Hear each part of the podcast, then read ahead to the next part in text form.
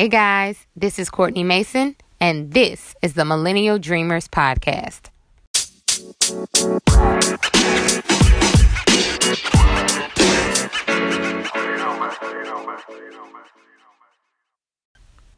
It's been too long since you've been gone.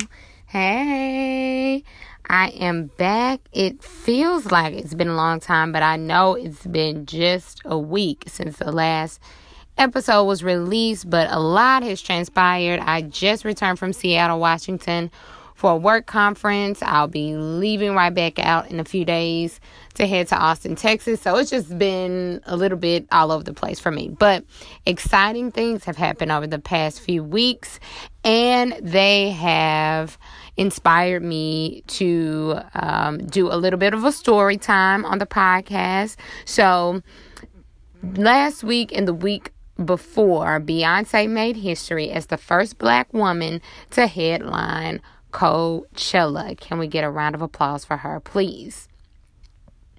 In addition to that, she gave us an HBCU infused routine from start to finish. There were so many um, references of black excellence within her performance that it just brought all types of nostalgia to everyone's mind. It just shows us that um, there's greatness in HBCUs, and many, many incredible individuals are products of HBCUs. We breed black excellence. So it was just great to see that put on center stage for everyone to be reminded of that so to speak. And one thing that I noticed is that a lot of Beyonce's dancers took to social media to talk about how it had been a dream of theirs to dance with her and they finally had an opportunity to do so. So they essentially lived their dreams during Coachella.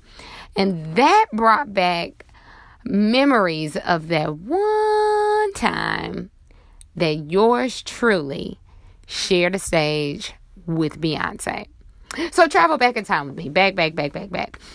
Um, when I was dancing, I think in high school and college, I kind of told myself, wrote in my diary, all those things that I wanted to dance with Beyonce at some point. I was like, it would be so cool if I could go on tour with Beyonce or if not go on tour, just share a stage with her. Like she had, has been an influence of mine for a very long time. And so I said that and I was like, that's going to happen one day. I kind of said it in a way of like just knowing that it would happen, not sure how or when, but in my mind, it would happen at some point if, you know, I really put my all into that. So time passed. I forgot I even said that. But I went on, I danced professionally in Atlanta. I'll talk about that in a separate episode. But I danced professionally in Atlanta before I came back and went to law school. Now, I had left the world of dance, so to speak, for a little while to focus on law school and becoming an attorney. When I graduated, I moved to New Orleans and I started my career in a very corporate, straight laced environment um, at a private law firm. So, about six months into that, one of my best friends, Nicole, she called me and said, Girl, you will not believe Beyonce is, you know, going to be the headliner the person that performs at the Super Bowl in New Orleans. Now, I'm living in New Orleans. I moved to New Orleans after I graduated law school to take a job. So it just so happened that Super Bowl was coming um, the following year to New Orleans. So I'm like, I'm sorry, what? Can you start over again? She's like, Beyonce will be headlining Super Bowl. She is is um, slated to perform at Super Bowl. And not only that, she's searching for local dancers. Now, when she told me that, I was almost in tears. I was like, do not play with me because this is not a playing situation. Like, this is a level 10. I'm about to flip off my couch at the thought of it. She was like, no, when I find out all the information, I'm going to let you know. So she did. She gathered all the information, and I was very hush hush about it because to me, it was just something that this can be amazing if it happens, but it's such a shot in the dark. I don't know if it, you know, will come to pass, but I'm just going to believe it, have faith, and put my all into my audition. So I audition. I put my put a um, a video together. I submitted it with all the additional information that we had to um, submit, and we waited. So within that process, I didn't tell anyone. I didn't even tell my mom. But on accident, I was out to lunch once with a friend, and it just so happened that um, my friend needed to borrow my phone to look up something on the internet, and I had the audition details up on my browser. And this friend was like, What is this? Like, what are you doing? Are you really thinking about doing this? Like, what will your law colleagues think? And in that moment, I just thought, wow, like, she doesn't know. First of all, it was hurtful to hear that because I was so excited. I was keeping it, you know, on the hush. So I was embarrassed that she saw it. But then also the fact that, you know, it was kind of like shooting down a dream of mine, that part was hurtful to me. And so I just said, you know, yeah, I am going to try it. I, I will be auditioning and, you know, we'll just see how it goes. And so I left it at that and I didn't bring it up anymore because I said, you know, you don't want someone else to deter you from what your dream is. So I didn't bring it up at all. I just said, you know, I did my best. I auditioned, I submitted my audition, and whenever the time comes, if I'm selected, then I'll talk about it with my my colleagues and my boss and the partners that I'm working with. I'll have that discussion.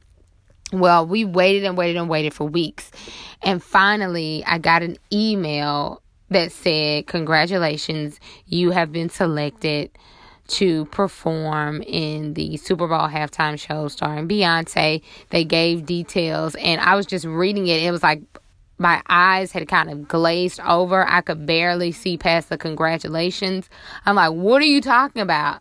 I was selected. I immediately called my friend Nicole, and she, I don't think she had gotten her email yet, but it came shortly thereafter. And I was like, You're going to do it. You're going to get it. We're going to do this together. It was just insanity to me. So I then was able to share the news with my parents and some of my close friends. And it just became a whirlwind after that. We actually had to go through another round of auditions after the initial girls were selected. We had to then go and audition again. And they did a, a round of cuts, a few round of cuts, and then that's when we started to, you know, prepare. So I had to go in and tell my boss and a few other attorneys that I work with that, hey, I'm to be out a few days because I have the opportunity of a lifetime. It was not something, it wasn't even a thought to me that I would not go in to tell them. It was like, be upfront, be honest about it, but let them know. And guess what? When I told them, they were over the moon. They were like more excited than I was. They were like, Are you kidding me?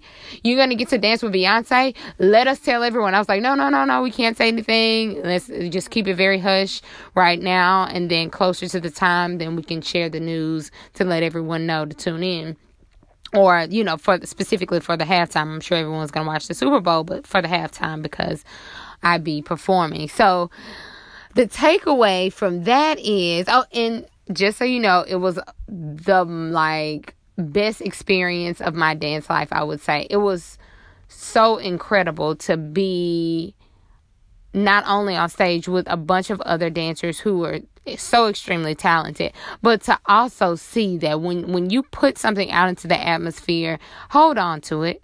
Regardless of when it can happen or how it will happen you hold on to that because your wildest dreams absolutely can happen. So we got on the i remember there were a few rehearsals like right before um the actual performance that I just kind of stood back by myself and just watched and I was I literally cried because I was just like this is amazing to me. I'm kind of like welling up now at the thought of it because it's just like we can really create our own realities no matter what. So you know if you've gone you can go back on YouTube and watch that Super Bowl performance. She shut it down just like she did Coachella like she shut it down and she is like the greatest living entertainer for a reason. You don't even have to debate me on it. I think it's almost proven, like it's fact almost. So that's not even up for debate. But it's just incredible, I think, um, and a testament to what we can create for ourselves. So, the key takeaways I would say for this particular episode, this story time, is to speak what you want into existence. No matter how big it is, no matter how far fetched it may seem, you never know what can really come of it. Hold on to it and have faith. Once you put it out there, you can't say, Oh, I want this to happen. And then you're like, Oh, it'll never happen. Live in a state of this can happen. I don't know when, I don't know how, but I'm going to go about my life continuing to prepare for it. For when it does happen, I'll be ready.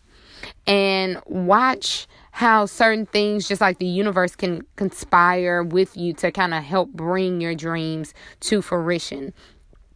Also, don't let someone else's thoughts, ideas, reservations, doubts deter you from what you want to do. Um, it can come from, you know, parents or siblings, friends, associates. People might say things that can make you second guess your ability, your talent, and what's possible. Don't let don't allow it to affect you in a way where you take it in and internalize what they're saying. God didn't give them your vision. God didn't give them your dreams. What you have is specifically for you. So they don't have to understand it. They don't have to believe in it. They don't even have to think it will happen or come to pass or believe you when you tell them. All you need to do is have faith in yourself and do the work that needs to be done to prepare your to prepare you for the opportunity when it comes. So that's my takeaway from this particular story time. Your dreams are absolutely valid and dream bigger than you can ever imagine because you never know your dreams just might come to pass. That's it for today's episode.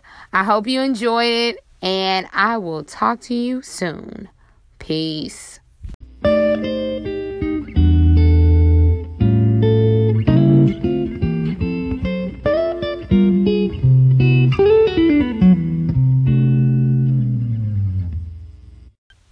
Thanks so much for listening to this week's episode. If you have any ideas you'd like me to discuss on the podcast, send me an email to millennialdreamerspodcast at gmail.com. Again, that's Millennial Dreamers Podcast at gmail.com. I look forward to hearing from you. Oh, and hit the subscribe button.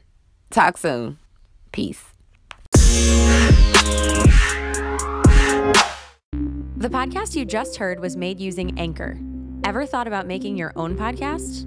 Anchor makes it really easy for anyone to get started. It's a one stop shop for recording, hosting, and distributing podcasts. Best of all, it's 100% free. Sign up now at anchor.fm slash new. That's anchor.fm slash new to get started.